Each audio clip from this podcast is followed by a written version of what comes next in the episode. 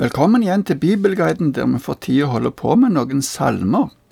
Akkurat nå er det noen salmer som har fellesbetegnelsen sanger ved festreisende. Det er salmene fra 120 til 134. Vi har nå kommet fram til de siste tre salmene i denne gruppa, og skal se på disse i dag. Det er salmene 132, 133 og salme 134. Men først altså salme 132. Denne salmen er en kongesalme. På samme måten som salme 89 viser denne salmen til Guds pakt og løfte til David, som vi kan lese om i andre Samuels bok, kapittel 7. Dette løftet blir først endelig oppfylt ved den store frelserkongen Messias. Noen tenker salmen kan være skrevet etter eksilet i Babel, og at folket derfor minner Gud om hans løfter til David. Andre mener det kan være ifra Salomos i tid og inneholde en beskrivelse av da paktens ark ble flytta ifra et telt og inn i tempelet. Salme 132 er den lengste av salmene i gruppa av salmer ved festreisende. Den begynner med fem vers om å huske pakten med David. Så fortsetter det med å beskrive en forventning om oppfyllelsen.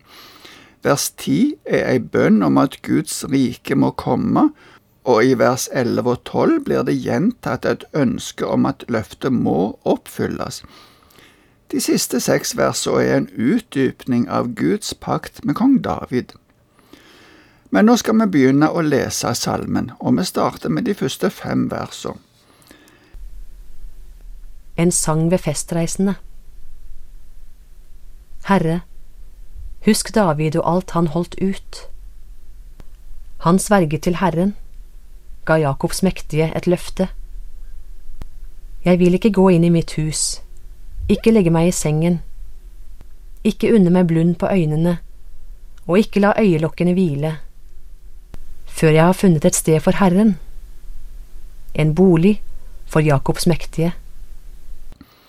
Ordet Husk David er noe av det som gjør at salmen av noen blir plassert i tida etter eksilet, men det kan òg være ifra tida da tempelet ble innviet, som David hadde hatt et sterkt ønske om å bygge.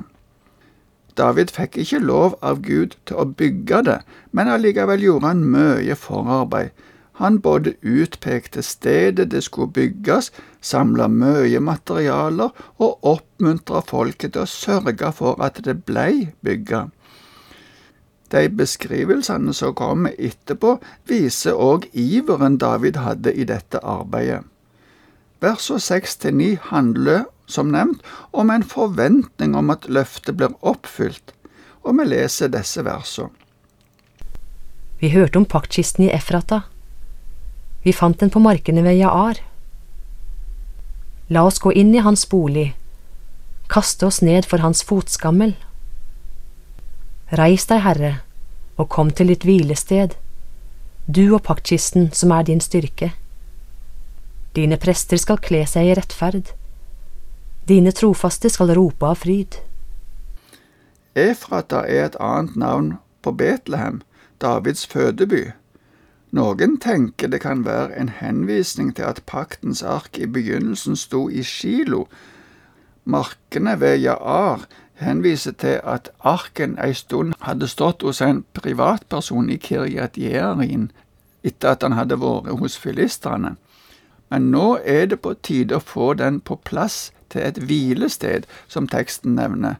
Derfor er det naturlig å tenke på at det handler om da tempelet hadde blitt bygd.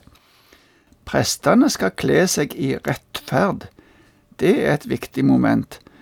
Det er ikke godt nok å ha hellige klær eller være akseptert til et embete. Det viktigste er at de og hver enkelt lever etter Guds rettferdighet.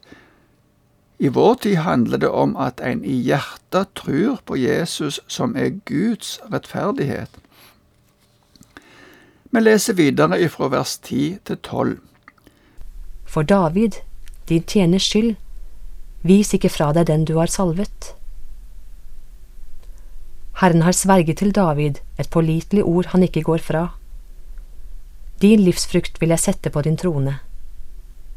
Hvis dine sønner holder min pakt og loven jeg vil lære dem, så skal også sønnene deres alltid sitte på din trone. Med utgangspunkt i Guds løfte til David ber salmen om at dette må oppfylles. I bunn og grunn er dette ei bønn om at frelserkongen må komme. At Herren har sverga, viser til at han regner med at det er sikkert at det vil skje. Bønna går derfor ut på et håp om at det må skje snart. Vi fortsetter med å lese resten av salmen ifra vers 13 til 18. For Herren har utvalgt Sion, henne vil han ha til bolig. Dette skal alltid være mitt hvilested. Her vil jeg bo, for henne vil jeg ha. Maten hennes vil jeg velsigne, de fattige metter jeg med brød. Presten hennes kler jeg i frelse, de trofaste skal rope av fryd. Der lar jeg et horn vokse fram for David. Jeg gjør i stand en lampe for den jeg har salvet. Fienden vil jeg kle i skam, men på ham skal kronen stråle. Herren har utvalgt Sion til sin bolig. Det er et sterkt uttrykk gjennom store deler av Det gamle testamentet. Gud vil bu iblant sitt folk. Vi ser i disse versene at her går det mer over til å beskrive menigheten enn byen. Guds folk er som Herrens brud. Herren velsigne sin brud på mange måter. Først og fremst ved at han sier at det er henne han vil ha. Vi kan tenke på det som Det nye testamentet beskriver om Jesu brud. Det er de som tror på Han, altså Jesus.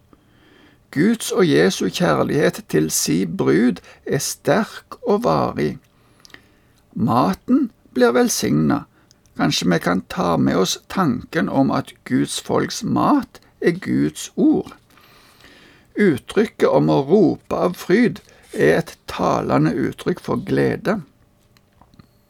De er òg så glade for denne velsignelsen at de må rope det ut. Er vi så glade? Fiendene av Gud og hans folk vil til slutt stå igjen med skam, men vår konge, frelserkongen, vil stråle.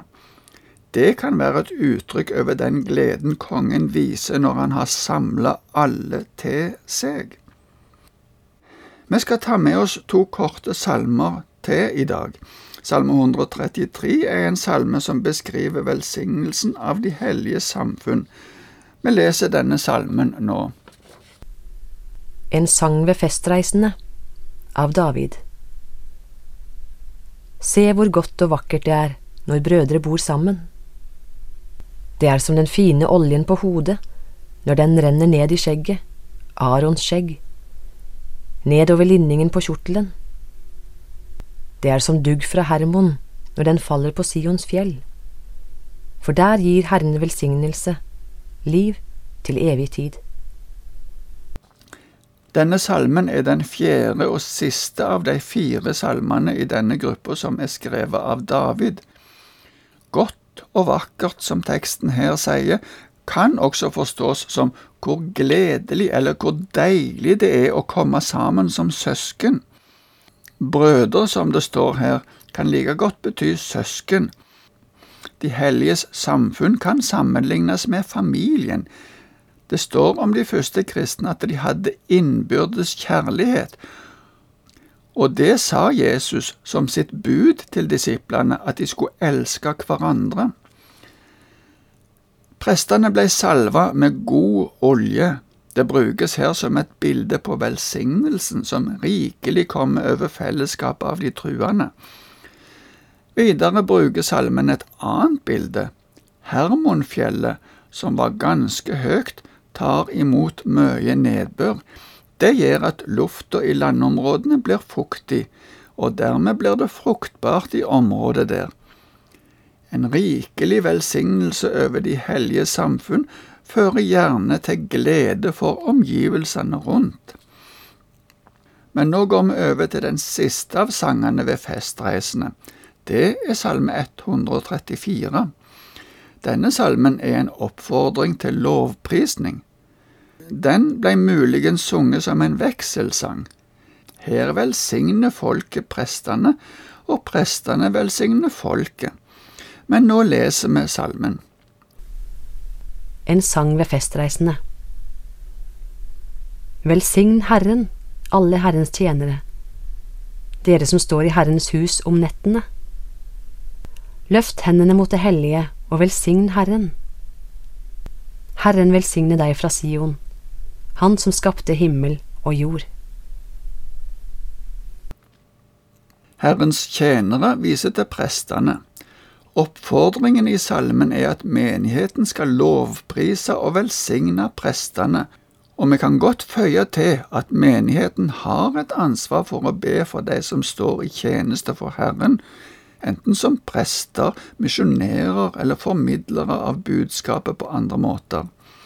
Vi skal be om at de kan få kraft og ånd til å gjøre det på den måten de skal, slik at de på rett måte kan lovprise Herren i sin gjerning, og at det i si tid fører til at Herren blir kjent i verden. Løft hendene er et uttrykk for at de skal be, for dette var en vanlig bønnestilling. Prestene skulle be for folket. Det siste verset er som et svar til alle som ber for prestene. Gud, som skapte himmel og jord, svarer med velsignelse over den menigheten som ber for prestene. Dette kan òg være en avskjedshilsen ifra prestene etter at sangene hadde blitt framført.